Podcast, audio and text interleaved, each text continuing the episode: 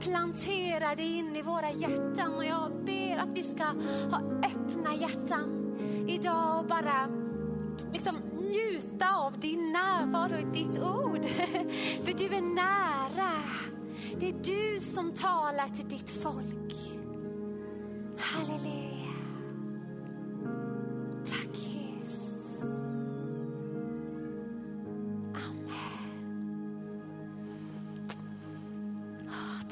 Jesus. Jag blir så tacksam av att eh, få vara här. Tack kära vänner för att ni har lett oss inför Jesu ansikte idag. Ja, jag är jättetacksam att få vara del av denna församlingen. Jag Eh, pratade med en kompis i somras och hon sa, det verkar verkligen som att eh, ni tar tillvara på de orden som eh, ni får av Gud. Jag har inte varit med om eller hört det någon annanstans. Och jag är jättetacksam att få vara med i en församling som bara, åh Gud har talat. Då vill vi lyssna. Och för jag tycker att han har talat väldigt tydligt till oss, eh, kanske de sista två åren. Eh, och jag upplever också hur Gud har bekräftat sitt ord eh, med de två senaste besöken eh, vi har haft här i församlingen. Ehm, alltså, när ord blir bekräftade så är det alltid härligt, men det är liksom extra härligt när det blir bekräftat genom någon som aldrig har varit här eller som inte vet alls vad vi håller på med. Jag tycker att vi, Gud bekräftar oss verkligen när Cornelia och Hope for this nation var här genom det ordet som vi fick genom Cornelia där om, att, om Guds närvaro. Vi går ingenstans om Guds närvaro inte flyttar sig.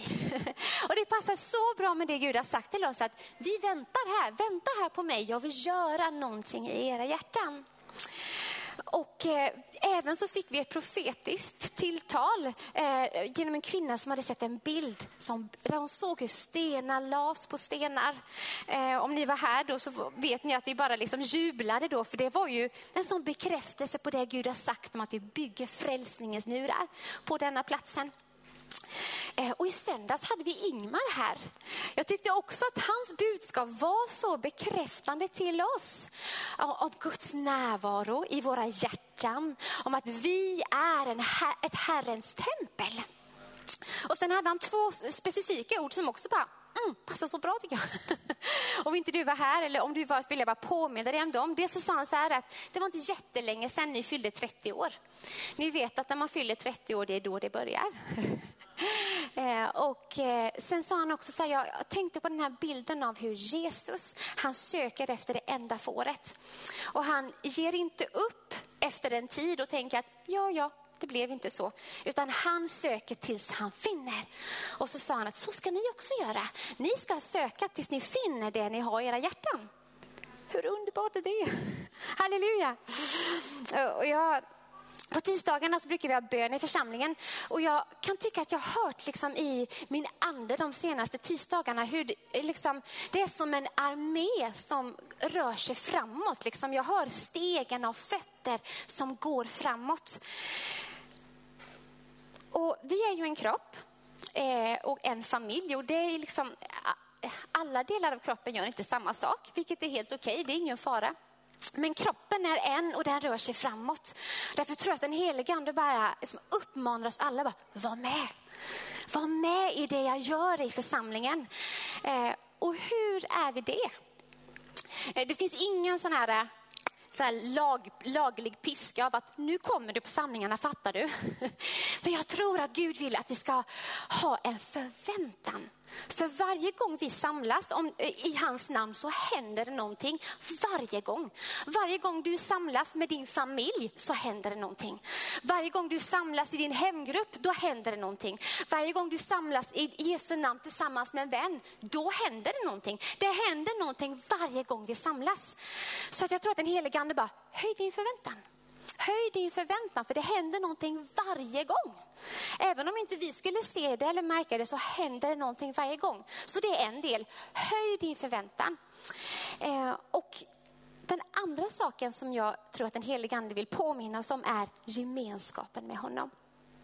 Det finns ju saker som vi måste göra, liksom vi har jobb och ibland kan det ju vara så här att ja, man efter jobbet då ska man gå och slänga sopor på återvinningen och så måste man hänga tvätten innan man går och lägger sig. Inget konstigt liksom. Men ibland så tror jag att vi tänker så här att det är antingen eller. Antingen har jag inte tid för Gud eller så har jag tid för Gud. Men gemenskapen med Gud är så mycket djupare än så. Det handlar inte om det. Ehm, för, eh, om det var någon gång förra året så, så fick jag se en syn. Och då var det som att jag liksom var i rymden. Jag såg liksom jorden på avstånd. Och så såg jag hur den heliga ande var runt omkring hela jorden. Han är liksom inte begränsad till en kropp eller till de fysiska lagarna, utan han var överallt där det fanns en troende som hade gett sitt liv till Jesus. Där var han. Och han jobbade hela tiden för att hjälpa. Men han uttröttades aldrig. Han hade sån glädje och sån kraft och tålamod. Han är en sån tjänare, helige ande. Och då eh, när jag såg det där så bara, jag blev så knäckt. Och så jag, alltså jag är så självupptagen. Det är så här bara, Gud vad vill du säga till mig? vad vill du göra i mitt liv? Ehm, och det är som inget fel med de frågorna, men jag tror ni förstår liksom att fokuset där kan bli lite skevt ibland. Att det kan bli så betonat på oss. Men istället så, så tror jag att vi kan skifta fokus eh, till att heligande, vad gör du idag? Vad, vad, vad, är du någonstans? Vad säger du för någonting? Eh, och det blir en jättestor skillnad för då får vi helt, för jag vet pappa har sagt en gång, jag tycker att det är så sjukt bra och så befriande. Gud är inte med i våran plan, vi är med i hans plan. Och när vi börjar liksom, alltså fråga bara, Gud vad gör du idag? Vad säger du? Då kliver vi helt plötsligt in i hans plan istället för att vi bara, Gud vad är du nu liksom? Utan ja, det är en sån stor skillnad och de två sakerna gör att vi liksom går ihop tror jag i församlingen. Jag vill bara skicka med dig det, att höj din förväntan. Och som din kommunikation med den helige Ande, låt den vara levande. Även om du har tusen grejer och känner att jag hann inte idag, så är det en konversation av att helige Ande, vad gör du? Var min lärare idag. Och han kommer att tala till dig under dagen. Idag så skulle jag vilja fortsätta prata om frälsningen. Jag tror att Gud vill att våran tro på vad som händer när vi blir frälsta, att den ska växa. Eh, och jag skulle också vilja tala lite om lovsången och frälsningen tillsammans. Vi är flera här som fått att vi bygger Frälsningens murar här i Sävsjö. Eh, och vi kan se i ordet, så står det så här att eh, dina murar ska kallas frälsning och din port ska kallas för lovsång. Så det hör ihop där. Eh, och jag ser inte allt, jag skulle vilja dela med mig av det jag upplever att Gud har visat mig. Vi ska börja med att gå till Hosea. Där har vi varit väldigt mycket den sista tiden. Kanske du kan det här utan till nu, men vi ska läsa det i alla fall. Eh, för det är en sån stark utgångspunkt. Jag tror verkligen att det är Guds ord till oss. Eh, Hosea 2 och 14. Och där står det så här. Därför ska jag locka henne bort och leda henne ut i öknen och tala till hennes hjärta. Sen ska, jag göra, sen ska jag ge henne tillbaka hennes vingårdar och göra Akors dal till en hoppets port. Där ska hon sjunga som i sin ungdomsdagar, som på den dag hon drog upp ur Egyptens land. Det ska ske på den dagen, säger Herren, att du ska kalla mig min man och inte mer kalla mig Baal. Detta är det ordet som eh, PO fick till församlingen för kanske ett och ett halvt år sedan. Och hela boken Hosea handlar om hur Jesus tar sig an sin församling. Eh, och det står på ett ställe som är så, så, så, så vackert, liksom, hela min barmhärtighet vaknade, säger Gud. Eh, och det är en fantastisk bild som målas upp av Guds kärlek, hans godhet och hans tålamod med oss. Eh, och också den oförtjänta räddning som bruden får av sin brudgum. Och Gud säger så här till Hosea, han säger så här, gå och gift dig med en prostituerad. Ta dig henne till dig som din hustru. Och bilden blir liksom nästan ännu värre och ännu vackrare när Gomer, hans fru, lämnar Hosea efter de har gift sig och går tillbaka till sitt gamla liv som prostituerad. Men Gud säger till Hosea, gå efter henne. Och Hosea gör det. Eh, och han säger så här. Under en lång tid ska du vara med mig. Bedriv inte mer otukt och ge dig inte till någon annan man. Jag ska vara hos dig. Det är som att Jesus bara säger så här, låt mig vara din man. Eh, och se, jag går med en bild på Jesu kärlek till församlingen och hur församlingen har övergett sin Herre för att driva otukt med någon annan. Och jag älskar Guds hjärta för oss. Han är inte så här, alltså står på avstånd och bara, du, du har gått bort ifrån mig, utan han liksom närmar sig oss. Han tar oss till sig och bara berättar för oss hur han, vem han ser att vi är. Han liksom öser sin kärlek över Gomer genom Hosea. Ehm, tålamod och ja, han är så ljuvlig och så god, Gud. Det finns många saker vi kan hämta från de här verserna, men det är liksom en specifik sak jag vill åt idag, så jag bara går förbi lite snabbt de andra. Eh, men det står så här att i samband med detta, eh, att eh, bruden ska få tillbaka sina vingårdar. Och vad betyder det? Och genom hela gamla testamentet så är vingårdarna en bild på arvet, på löftet, på skörden. Eh, och kanske känner du så här att jag har inte fått den skörd. Jag har sått, men jag har inte fått någon skörd. Jag har liksom stått i tro och bett, jag har hållit fast vid Guds löften utan att se. Då vill jag profetera ut över dig, jag vill profetera ut över mig. För jag känner så. Eh, och också över bara Kristi kropp i Sverige. Att Gud vill ge oss tillbaka våra vingårdar. Vi ska få skörd på det som vi har sått. Det ska bära frukt. Ehm, och en annan sak som det står där är att eh, Gud vill göra Akorns dal till en hoppets port. Vad betyder det? Akors dal kan vi läsa om i Josua 7. Det är en väldigt dramatisk berättelse, men Akor betyder olycka. Jag, jag tror att Gud bara vill hälsa så här, att det som har varit din olycka, det kommer bli en dörr för hopp. För Gud låter allting samverka till det bästa för dem som älskar honom. Och då kommer inte din, din, det som du kanske upplevt som det här har varit min olycka, det kommer bli en hoppets port för dig och för andra. Det vill Gud göra med församlingen. Jag tror kanske att vi fortfarande är kvar i öknen. Jag tror kanske inte att vi har kommit ut där riktigt ännu, utan att han fortsätter att tala till vårt hjärta. Eh, och eh, det är inte så kul att vara i öknen. Och det är också i öknen som vi blir frestade. Det kan vi se när Israels folk genom öknen, eh, efter de hade tågat ut ur Egypten, så vart de frestade. Vi kan se Jesus frestades i Egypten. Det är inte roligt, men det är väldigt bra för oss. Men i öknen så är det inte bara att vi blir frestade, utan vi, hör också, vi kan också höra Guds röst. Hur han talar, hur han då i öknen talar till vårt hjärta. Um, frestelsen i öknen tror jag är, är, att välja en egen väg. Ni vet hur det kan, eller ni vet, det vet inte jag heller, men jag har ju hört hur det blir i öknen när man inte har druckit på väldigt länge. Man kan ju se som liksom, eh, en oas fast det inte är någon oas. Man kan bara, åh, där är en väg, jag vill så gärna ut i öknen, jag bara tar den nu.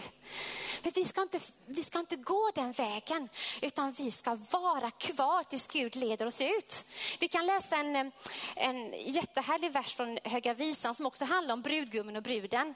Eh, då står det så här, vem är hon som kommer hit upp från öknen stödd på sin vän?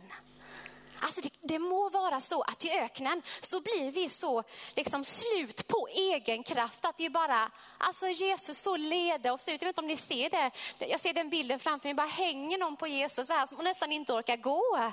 Och även om det skulle bli så, så är det han kommer att leda oss. Han är den som tar oss i handen. Och tänk också om det är det som gör att vi kommer ut från öknen. Att vi bara, okej, okay, jag ger upp nu Gud. Jag bara lutar mig mot dig och litar på dig. Jag hänger mig här då för jag orkar ändå inte själv. Ja, kan vara. En annan sak som Gud kommer att göra med bruden är att han kommer låta henne sjunga, står det. Där ska hon sjunga. Bruden, församlingen ska sjunga som på den dagen hon kom ut ur Egypten. Det finns en sång som Gud vill visa och som han vill att, som han vill att församlingen i denna tiden ska sjunga. Vet du att när Israels folk drog ut ur Egypten, då sjöng de en sång. Vet du? Det står i Bibeln. Vi ska läsa det lite tillsammans där. Det står i Andra Mosebok 15.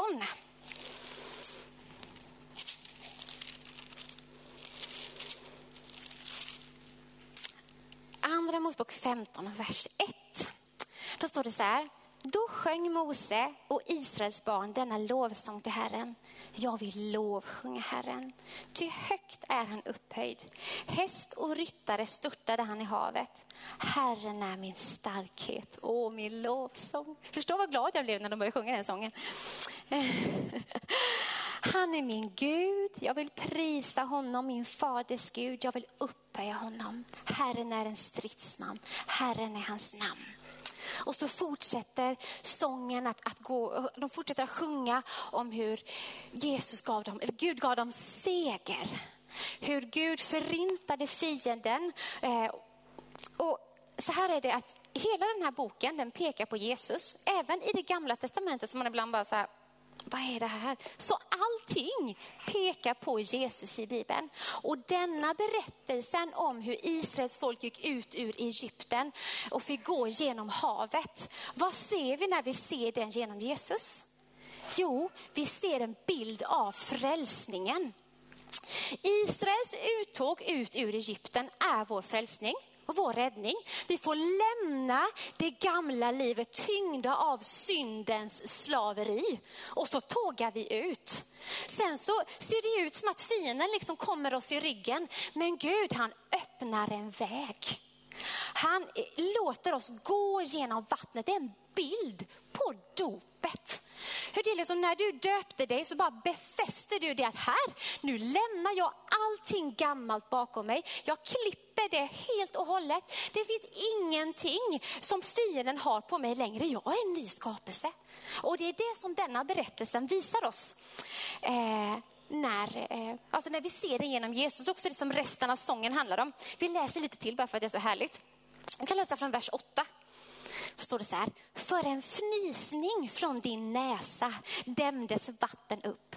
Böljorna reste sig som en mur. Vattenströmmarna stelnade i havets djup. Fienden sa, jag ska förfölja dem. Jag ska hinna upp dem. Jag ska utskifta byte, släcka min hämnd på dem. Jag ska dra mitt svärd och min hand ska förgöra dem. Du Gud andades på dem och havet övertäckte dem. De sjönk som bly i det väldiga vattnet. Vem är som du bland gudarna, Herre? Vem är som du, härlig i helighet, värdig för undan, under lovsång, du som gör under. Det här är vår frälsning. Det är det här som Gud har gjort i våra liv. Och bruden, hon sjunger om frälsningen. Hon har blivit fri från syndens slaveri. Och hur fienden dog i vattnet. Ingen ur fiendens armé överlevde när vattnet togs igen. Alltså det är kapat. Så fienden han har ingenting på mig längre. Han kan inte plåga mig. Han kan inte, han kan inte stjäla från mig. Jag är en ny skapelse Jesus. Jag tycker att detta låter jättemycket som Kolosserbrevet. Vi går dit. Kolosserbrevet 1, 13-14. Då står det så här i sonens rika överskrift. Jag älskar det. Han har frälst oss från mörkrets välde och fört oss in i sin älskade sons rike. I honom är vi friköpta och har fått förlåtelse från våra synder. Vi är inte längre i Egypten, vi har gått genom havet, vi har bytt rike. Vi är inte i mörkrets rike, vi är i ljusets rike.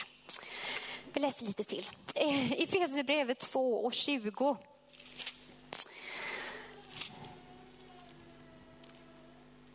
Nej, det stämmer inte.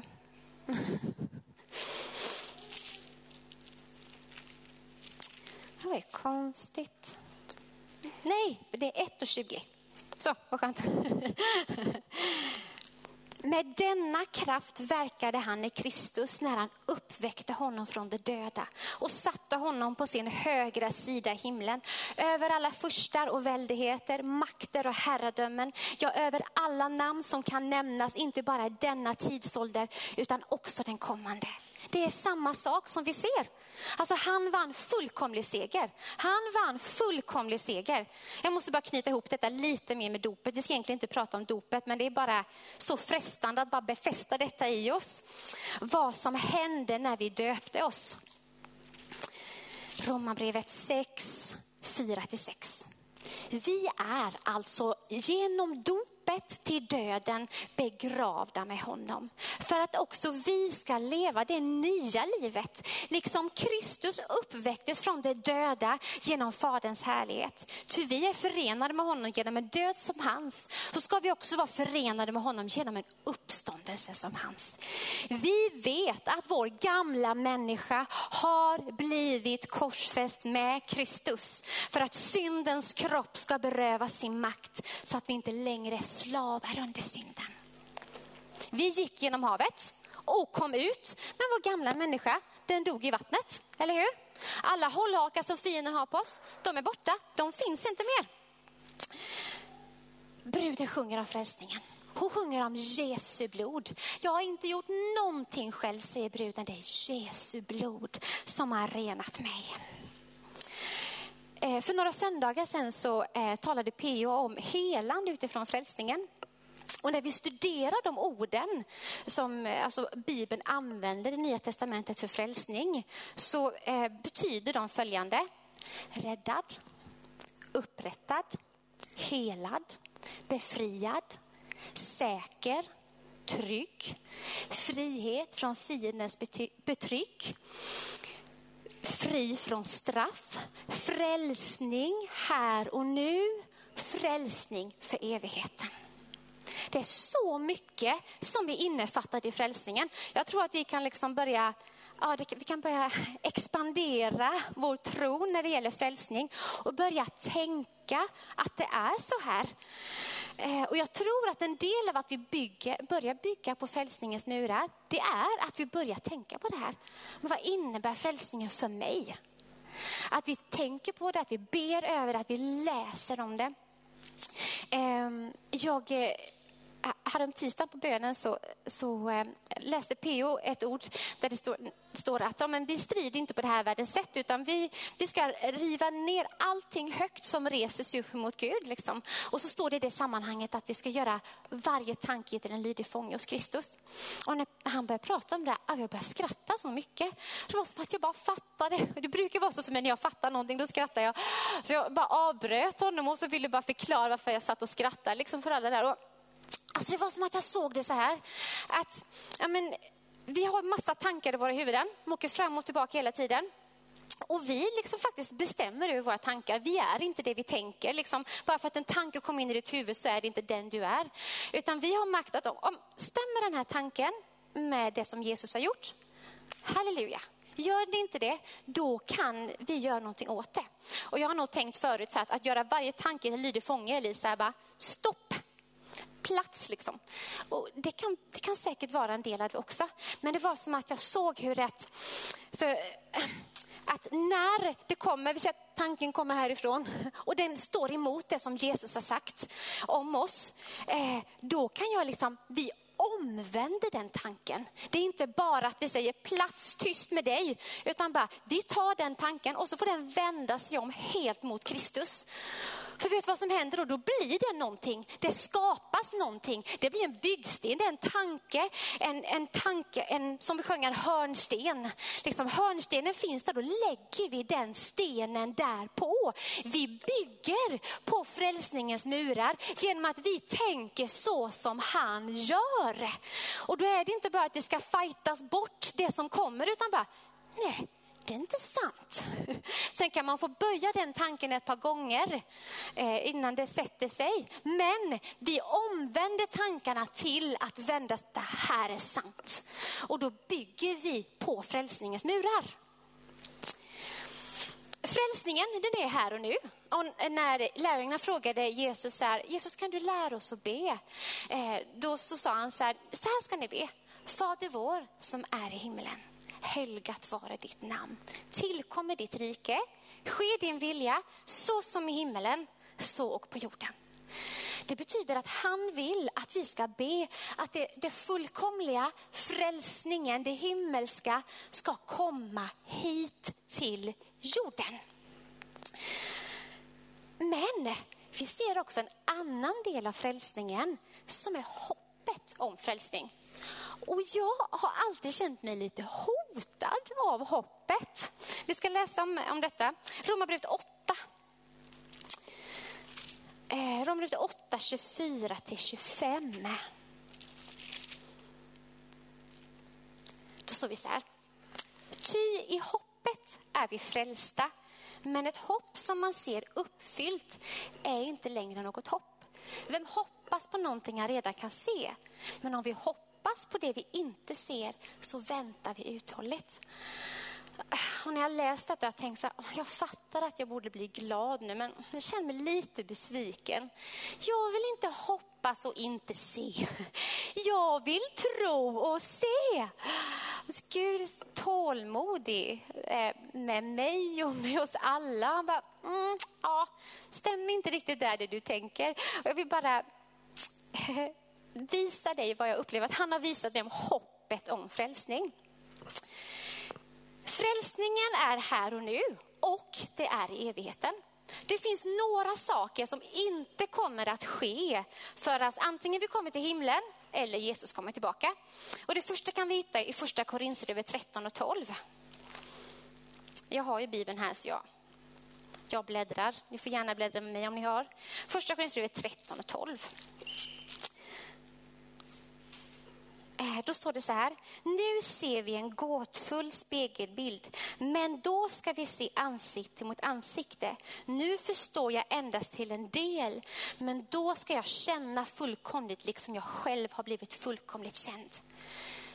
Den här versen säger att när vi ser Jesus i evighetens ljus. När vi ser honom, eh, antingen när han kommer eller vi kommer till honom, så kommer vi se fullt ut. Ha, våran, även om vi kan se jättemycket här, så finns det delar av Jesus som vi aldrig kommer se. Och kanske våra egna liv eller frågor som vi, vi kanske inte får svar på allt. Och en annan sak som också är reserverad till när Jesus kommer tillbaka eller vi kommer till honom. Eh, det är att vi kommer få en ny kropp. Bibeln kallar det för härlighetskroppen. Eh, och vi kan läsa om detta i bland annat första Korinthierbrevet 15, det är ett superspännande kapitel. Eh, I Romarbrevet 8 läser vi att den nya kroppen, alltså vår kroppars förvandling, det är fullheten av barnaskapet. Det, är liksom, det blir till hela världens förlossning. Ja, det är så spännande. Men det är reserverat tills han kommer, eller vi kommer till honom. Ehm, och det betyder också att alltså fullheten, slutmålet för ditt liv kommer inte finnas här på jorden. Är inte det jättebefriande? Alltså du behöver inte förverkliga dig själv, du behöver inte uppfylla alla dina drömmar för ditt mål är ändå inte här. Slutmålet för ditt liv är i evigheten med honom. Alltså det är så skönt. Jag vet inte om ni kan föreställa det här för ert inre. Liksom jag, jag hade en, en konversation med en av mina bröder i somras. Vi satt och pratade och sen så började jag liksom berätta hur, hur jag lever halva mitt liv i huvudet med bilder. Liksom och man, ja, jag pratar och ser saker parallellt. Och jag liksom, när jag lär mig saker då ser jag det som bilder i huvudet. Och han bara, what? Jag ser aldrig några bilder. Och jag bara, what? Hur lever du ditt liv? Så jag förstår att vi är väldigt olika där, vilket är helt okej. Okay. Eh, men eh, vi fick smaka lite på detta förra helgen, eller hur? När Ingmar var här. Då fick vi liksom bara öva på att se saker i våra hjärtan. Liksom att möta Jesus i hjärtat. Om vi, om vi nu skulle kunna föreställa oss frälsningen, om, om vi försöker nu då, oberoende av hur vi funkar, om försöker att ja, frälsningen är här och nu, den är i min ande, min själ och min kropp. Men samtidigt så är det som ett, ett band eller ett rep eller liksom som ett ljus som sträcker sig rakt in i himlen, rakt ut i evigheten och tar aldrig slut. Sån är frälsningen. Den är här och nu och den är hela vägen in i evigheten. Vad händer om vi börjar se det på det sättet? Så, hoppet om evigheten finns inte till för att du ska bli besviken och bara, ja, ja, jag släpper det då. Det kommer kanske aldrig bli så som Gud har sagt eller, eh, eller att eh, men att vi släpper tanken på att Gud är en övernaturlig Gud som griper in i våra liv. Det är inte tanken med hoppet om frälsningen. Tvärtom. När vi börjar titta på hoppet om frälsningen, då kommer våran tro att börja växa. Eh, och här vill jag säga bara så här att du har det. Och jag känner bara som att jag vill re alltså repetera mig så här, du har det. Du har det, jag har det, vi har det. Och jag blir, det är så fler gånger jag säger det, desto gladare blir jag. Eh, för vi har det. Jag ska försöka förmedla detta på ett annat sätt också, för jag fattar att du kanske inte känner samma sak som mig, men det bara brinner. Va? Jag har det, jag har det.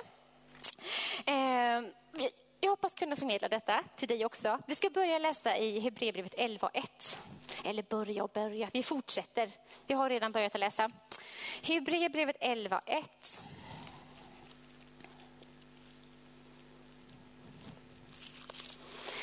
Mm, då står det så här. Tron är en övertygelse om det man hoppas.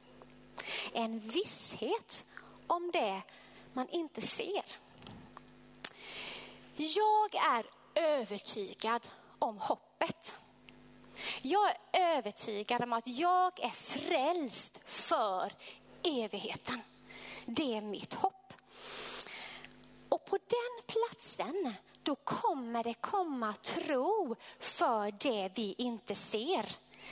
Vissheten i hoppet ger oss tro och tron tar tag i frälsningen och gör den synlig. Jag säger det en gång till. Vissheten i hoppet ger oss tro. Och tron tar tag i det vi inte ser och gör frälsningen synlig i, i vår själ och i vår kropp. Och då hoppet om frälsningen, den, liksom, den suddar ut gränsen mellan nu och sen. Den suddar ut eh, gränsen mellan jorden och himlen. Bortsett från den gränsen som ordet sätter för vår frälsning när det gäller att vi inte kommer se fullt ut och härlighetskroppen så behöver inte vi sätta någon annan gräns. Det finns ingen annan gräns. Jag tror att vi behöver släppa tanken på att här har jag mitt jordiska liv och sen kommer jag att komma till himlen. Vi ska kolla på en sak gällande detta. När får du evigt liv? När händer det? Får du evigt liv när du dör? Eller när får du evigt liv? Vi ska se det. Johannes 17 och 3 ska vi läsa. Jag vet att eh, det blir mycket Bibel, men jag tycker att det är så viktigt att vi ser att detta står i ordet. Det, här, det är substans i det här. Johannes 17 och 3 så står det så här. Detta är evigt liv. Att de känner dig, den enda sanne guden och den som du har sänt, Jesus Kristus. Evigt liv är att känna Gud. Första Johannesbrevet 5 och vers 10.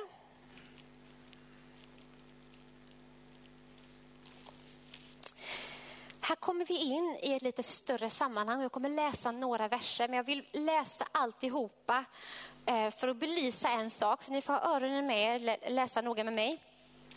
Det är Johannes 5, vers 10 till 13. Om vi godtar människors vittnesbörd så ska vi veta att Guds vittnesbörd är för mer. Eftersom detta är Guds vittnesbörd, att han har vittnat om sin son. Den som tror på Guds son har vittnesbördet inom sig. Du har vittnesbördet om sonen inom dig.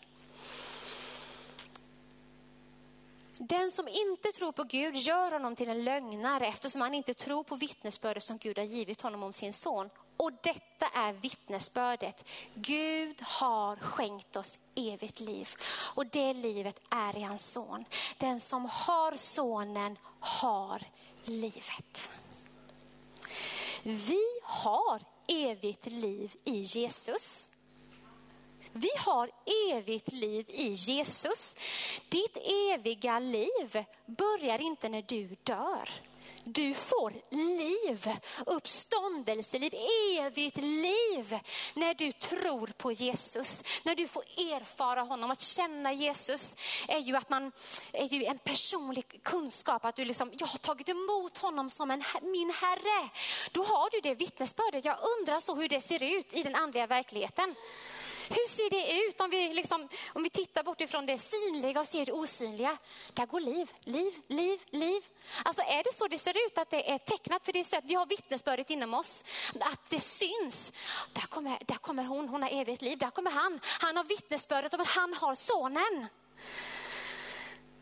Det här är frälsningen som är här och nu, men den sträcker sig hela vägen in i evigheten. Du har evigt liv nu, du väntar inte på att få evigt liv när du dör. Utan det här livet, det som väckte Jesus från de döda, det finns här på insidan. Vi ska läsa från Kolosserbrevet 3 och 1. Jag kommer läsa från kärnbibeln här nu, bara för att belysa det ytterligare. Om ni har uppstått eftersom ni nu har blivit uppresta. Alltså, du har tågat ut ur Egypten och gått genom det röda havet. Er gamla människa dog i dopet och ni har uppstått igen med Jesus. Det sista var mitt eget tillägg, men bara så att ni fattar hur jag ser det i huvudet. Men vi ska fortsätta med kärnbibeln. Så sök ständigt de ting, fokusera på, tänk ständigt på, ha samma tankesätt på det som är där ovan, det som är högre. Inte på det som är här på jorden, för ni har dött och ert liv är dolt med den smorde Kristus i Gud. Ditt verkliga liv är det livet som Jesus har köpt åt dig. Ditt verkliga liv är inte det livet du lever här på jorden, utan det verkliga livet är det livet som Jesus köpte åt dig med sitt blod. Det eviga livet. Han har återlöst dig, han har friköpt dig. Detta är hoppet om frälsningen.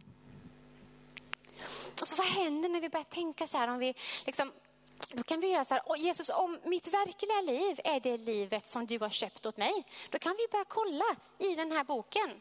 Alltså vad har ditt blod köpt åt mig? Och står det här i då att det här har hänt i och med korset, i och med Jesu blod, då är det ditt. Då är det ditt. Då har du det. Förstår du vad jag menar? Alltså då har du frälsningen.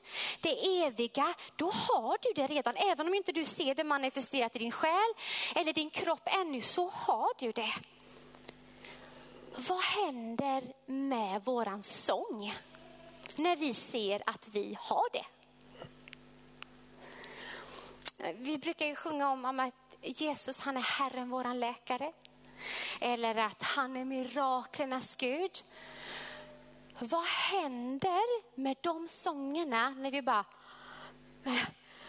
Alltså det helandet som jag längtar efter, det som jag, alltså, det som jag känner varje dag i min kropp. Liksom. Jag är inte helad, men jag ser bara, jag är helad. Jag har det, Jesus har gjort det möjligt. Utan honom vore jag helt förlorad. Utan honom skulle jag alltså plågas av det här i en evighet. Men nu har han, han har tagit det. Han har tagit det. Alltså jag tror att det händer någonting med vår sång. Att hoppet om det som vi har i evigheten, alltså det väcker tro när vi sjunger det. Eller om vi står och sjunger om att Jesus du har gjort mig glad. Och så finns det ingenting i ditt liv som gör dig glad. Men när du vet bara, men åh, det här kommer bli annorlunda. Jag vet det. Om det sker nu, idag, om det sker om två veckor, om det sker om tre år eller när jag är gammal, jag vet inte, det får man bestämma själv när man är gammal. Men, eller om det händer i evigheten så är glädjen min. Jag kommer att kunna glädja mig som det står i den här boken. Han är värdig all lovsång. Han som har gjort allt. Värdigt, värdigt är Guds lamm. Värdigt är Guds lamm. Det kan vara lite läskigt att göra det här. För vi börjar liksom fokusera på hoppet om frälsningen och då blir det också så att vi behöver släppa taget om vårt mirakel. Vi behöver släppa taget om vårt genombrott. Eh, och vi kan liksom inte bestämma när det ska hända eh, eller hur det ska ske. Utan eh, vi får liksom ge det till honom. Och det är inte, jag skulle säga så här, att det är inte vårt mirakel som vi lägger på altaret, utan det är oss själva. Vi lägger vår egen tidsplan på altaret. Vi lägger vår egen kontroll på hur saker ska se ut eller när det ska ske. Det är det som läggs på altaret. Och så kan vi börja sjunga, sjunga sången. Jag har det nu eller sen. Men jag har det och du har det. Jag ska läsa en upplysande sak om just detta med hoppet. Från första Petrusbrevet, eh, kapitel 3.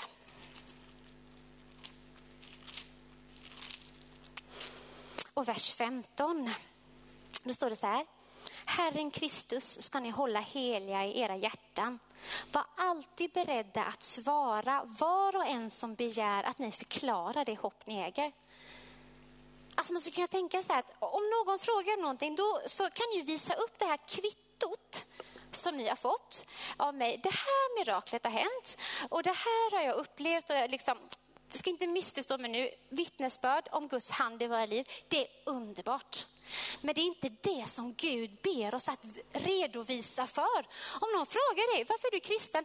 Jo, men jag är kristen för att Gud har gjort det här och det här. Det är underbart, vi ska fröjda oss tillsammans, men det är inte det det står. Utan vad har du för hopp?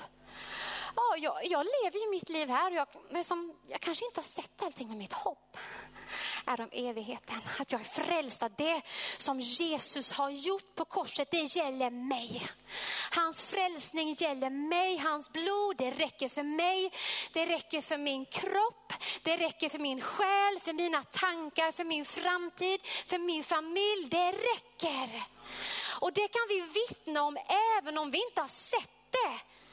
Det är fantastiskt och det är det han ber att vi ska redovisa för. Halleluja! Jesus gick omkring i alla städer och byar och han undervisade i synagogorna och predikade evangeliet om riket. Himmelriket, Guds rike. Alltså han berättade om den eviga frälsningen. Och, och han gick runt och botade alla slags sjukdomar och krämpor. Och Jesus sa också så här, Guds rike är här. Johannes döparen sa, Guds rike är nära, himmelriket är nära. Så kom Jesus och så ropade han, Guds rike är här, omvänd er. Himmelriket är här, omvänd er. Det här är Jesu egna ord. Guds rike är här, frälsningen är här och nu. Och i all evighet. Och vi prisar dig Jesus för du har gett oss det här. Det är vårt i Jesus. Mitt liv är inte det jag ser här utan det jag ser i honom. Detta betyder inte att Jesus är okänslig för hur ditt liv är nu.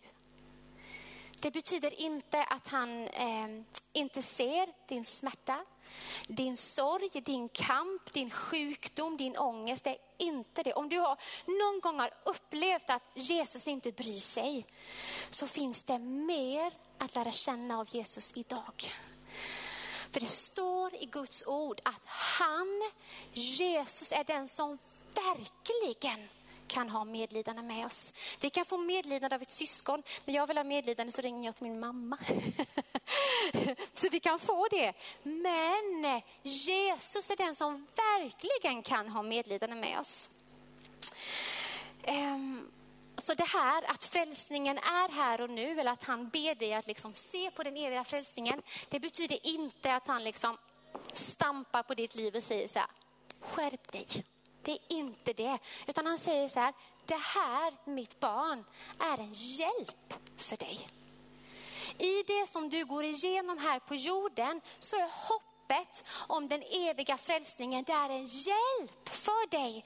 Ibland tänker vi att det är så liksom lite diffust att vara troende, att följa Jesus, men det är så praktiskt. Han har gett oss så många praktiska verktyg i ordet. Hoppet evig frälsning är ett verktyg i din hand. Och det, alltså när vi börjar titta på det så kommer det förlossa dig från jordisk smärta. För det händer någonting med oss då, för det kommer en sån sång av glädje och jubel. Vi jublar i hoppet om hans härlighet. Romarbrevet 5 måste vi läsa nu. Romarbrevet 5 och 2.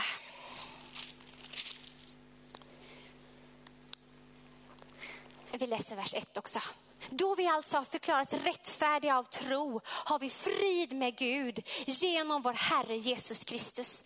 Genom honom har vi också tillträde till den nåd som vi nu står i och vi jublar i hopp om hans härlighet. I första Petrusbrevet står det så här, honom älskar ni utan att ha sett honom. Och fastän ni ännu inte ser honom tror ni på honom och jublar över honom i obeskrivlig glädje. Och när vi inte sätter en gräns för frälsningen utan riktar vår blick på den eviga frälsningen. Ah, då kommer det sån lovsång. Det kommer sån djup, djup lovsång. Och det är ingen, eh, ingen skillnad på den lovsången vi sjunger nu och den lovsången vi sjunger sen. Utan att jag tror att vi kan sjunga samma sång. Jag tror inte vi kommer byta sång utan eh, vi sjunger samma sång här som vi sjunger i evigheten. Det är liksom bara den här sången går rakt in i evigheten. Bara färdigt är Guds land. Värdigt är lammet, värdig är han som sonat världens synd. Det är samma sång. Eh, vi ska gå till Uppenbarelseboken 5 också, vers 9. Eh, där finns några verser där som jag har burit med mig hela året och som vi har läst och mycket på, på tisdagsbönen. Det handlar om den nya sången till Kristus, offerlammet. Eh, jag hörde en predikant säga så här i veckan, jag tyckte det var så upplysande. Och hon sa så här att lovsången från det gamla testamentet, det är en längtans lovsång. De såg i framtiden att oh, Messias kommer. De såg vad, vad frälsningen, hur Guds rike skulle komma i och med Jesus. Och det var därför de sjöng, för de såg någonting i framtiden. Men den lovsången som finns i det nya förbundet är att Guds rike är här. Jesus har fullbordat allt. Det är lovsången i det nya förbundet vi sjunger en annan sång. Det är liksom fortsättningen på den sången. Det betyder inte att den gamla sången var dålig, men i och med Jesus förändrades allt, till och med sången. Denna sången är förknippad med det nya Jerusalem, med bruden, hon är det nya Jerusalem. Det är förknippat med ny jord och en ny himmel, hur Jesus gör allting nytt. Tänk om det är vår sång som bara liksom får det att hända. Detta är en sång om Jesu blod, förlossningens höga pris. Jag ska läsa de verserna för dig. Eller med dig. Johannes 5, Johannes uppenbarelsebok 5 och eh, vers 9. Och de sjöng en ny sång. Du är värdig att ta bokrullen och bryta dess sigill. Ty du har blivit slaktad och med ditt blod har du åt Gud köpt människor av alla stammar och språk, folk och folkslag. Det är en universell frälsning för alla. Du har gjort dem till ett kungadöme, till präster åt vår Gud och de ska regera på jorden. Och jag såg och jag hörde rösten av många änglar runt omkring tronen och väsendena och de äldste.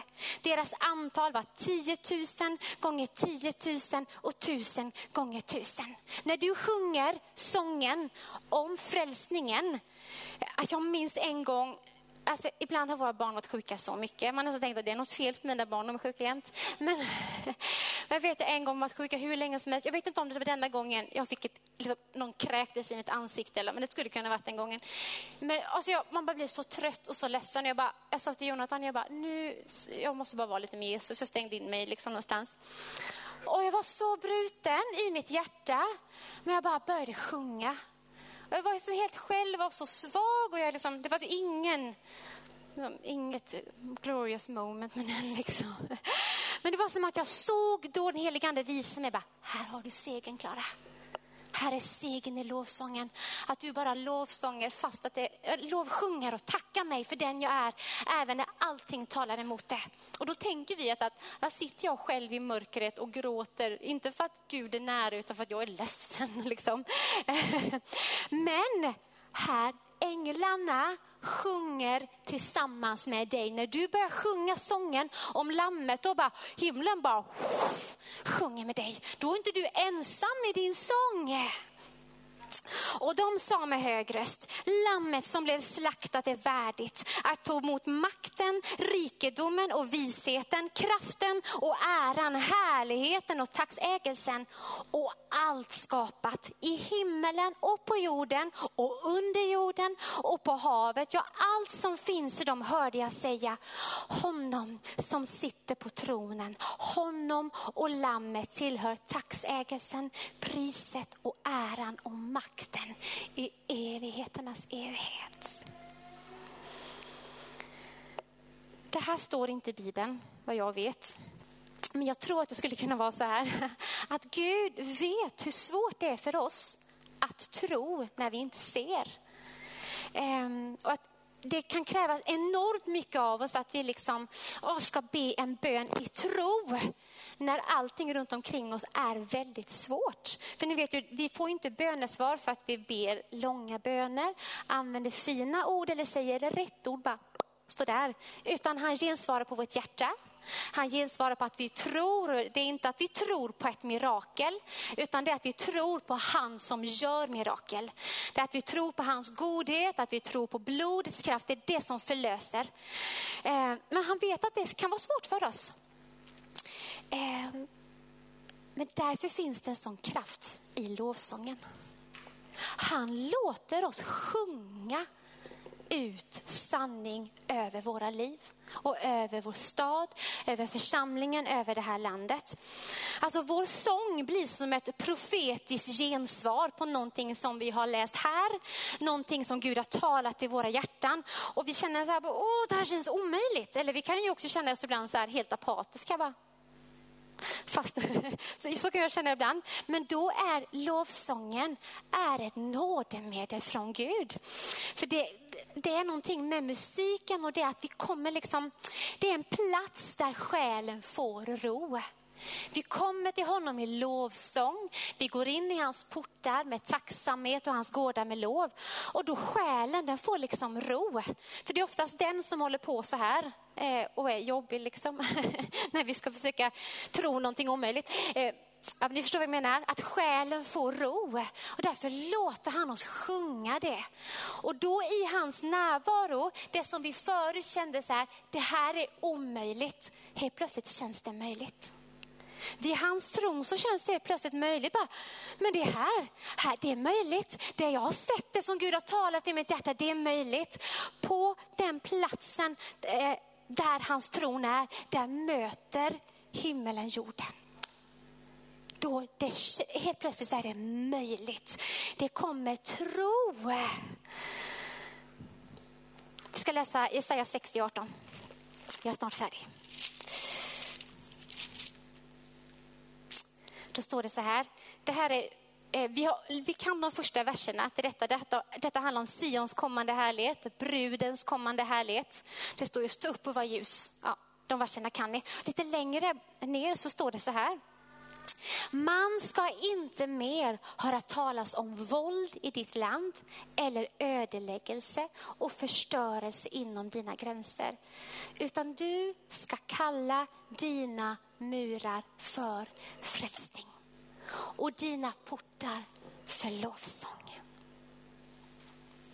Lovsången kan bli en port för frälsningens verklighet i ditt liv. Det blir ett profetiskt uttryck att vi säger liksom ja till det som Gud har sagt. Det sker i lovsången. Ja, jag tror att du är miraklernas Gud. Ja, jag tror att jag är ditt barn. Jag tror att i ditt namn har jag frid. Det blir ett ja från ditt och mitt hjärta. Lovsången om hoppet om frälsningen tar oss in i frälsningens verklighet. När du sjunger, inte för att du ser nu, utan att du ser hoppet om att jag är frälst. Jag är frälst. Om det inte vore för Jesus så skulle jag bara få en evighet av sjukdom, av misär. Mitt liv skulle fortsätta på samma sätt men nu är jag frälst för evigheten. Då händer det någonting med vår lovsång. Eh, man kan känna som att man liksom man ger upp sin tro då lite grann på att man ska se saker här och nu. När man fäster sitt hjärta vid hoppet. Men det är inte sant. Det är inte sant. Du lägger dig själv på altaret och säger att ske din vilja så som i himmelen, så och på jorden. Jag tror att frälsningen i mitt liv är verklig nu. För jag ser det där framme. Jag ser frälsningen i evigheten. Jag har det helandet jag så desperat längtar efter. Jag har det redan. Jag har det i Jesus. Den friden min själ längtar efter, jag har den nu. Den friheten som mitt hjärta ropar efter, jag har den nu. Detta är brudens sång. Och vi ska börja sjunga, sjunga den till lammet. Och vi ska tåga in i frälsningens murar. Vi ska läsa eh, Sakarja. Sakarja. Förra gången jag läste härifrån så fick jag så många kommentarer att jag sa fel så nu blir jag lite nervös. Men det står Sakarja. Sakarja. 9 och 12. Vänd åter till ert fäste. Ni fångar som har ett hopp. Ja, idag förkunnar jag för er att jag ska ge er dubbelt igen. Du som har gått ut ur Egypten, alltså gå till ditt fäste. Du har ju sett hoppet om frälsningen. Kliv in i frälsningens verklighet. Kliv in i frälsningen med lovsång. Jag ska läsa en, en till från Sakarja, eh, kapitel 8 och vers 3. Så säger Herren, jag ska vända åter till Sion, det är vi. För att bo mitt i Jerusalem och Jerusalem ska kallas sanningens stad och Herren Sebaots berg, det heliga berget. Frälsningen, sanningens stad. Det står också i, i Höga Visan, bruden där, hon säger om sig själv, jag är en mur. Alltså det finns någonting av, att, hur, av hur ordet blir till kött. När vi omvänder våra tankar till sanningen som står i det här ordet som bara bygger på muren. Och när vi bygger på muren i vårt sinne, då händer det liksom någonting övernaturligt av att vi bygger här utanför. Det byggs en, en plats för Guds närvaro att vila på och det är det som vi längtar efter. Så bara, vi är med och bygger muren. Du bygger på muren. Dagligen bygger du på muren. Jag tror att vi bara ska sjunga lite nu och bara eh, fästa vår blick på Jesus. Och jag bara, låt sången sjung som om du har det. För du har det. Jag jag hörde en, eh, en tjej berätta om hennes barn gick bort eh, väldigt tidigt liksom, när hon var liten. Och, eh, och de frågade henne, så här, men hur kan du, eh, hur kan du fortsätta liksom, att tro på Gud? Han svarade ju inte på dina böner. Hon är ju fortfarande död. Liksom. Och så sa hon så här, hur skulle jag inte kunna tacka Gud? Han är den enda anledningen till att jag får se henne igen. Och det är lite det tankesättet. Alltså, han har gjort det. Han är frälsningen, han är räddningen. Och jag tror att vi alla har områden i våra liv där vi känner att här skulle jag behöva frälsning. Jag behöver läkedom, jag behöver frihet eller, eller vad det nu är. Och jag tror att Gud vill göra mirakler idag. För som jag sa förut så är det vid tronen som himlen möter jorden tror jag. Alltså när vi nalkas Gud i lovsång, då kommer vi så nära. Då kommer han, han gensvarar på våra lovsånger. Eh, och om vi säger då att eh, Daniel där nere skulle kasta en boll till mig.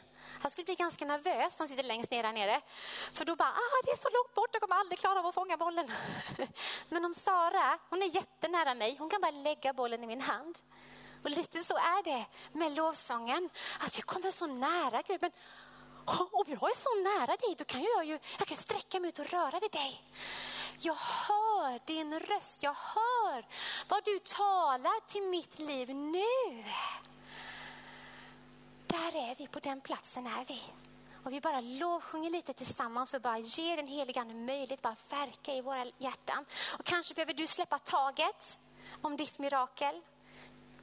Det är inte miraklet du lägger på altaret, utan det är dig själv. Miraklet är ditt. Mm. Halleluja. Tack Jesus, vi prisar dig Jesus. Halleluja. Du får sitta ner eller stå upp eller men vi, vi kommer till Jesus nu. Vi är nära honom.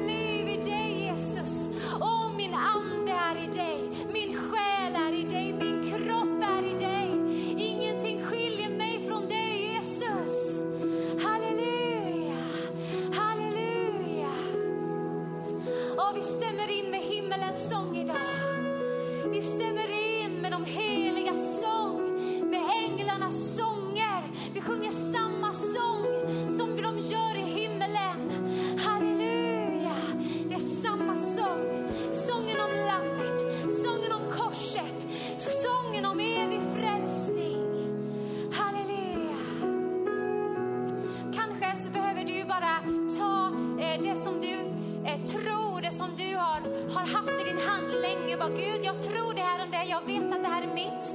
Kanske bara få ge det till Gud. Och idag bara... Oh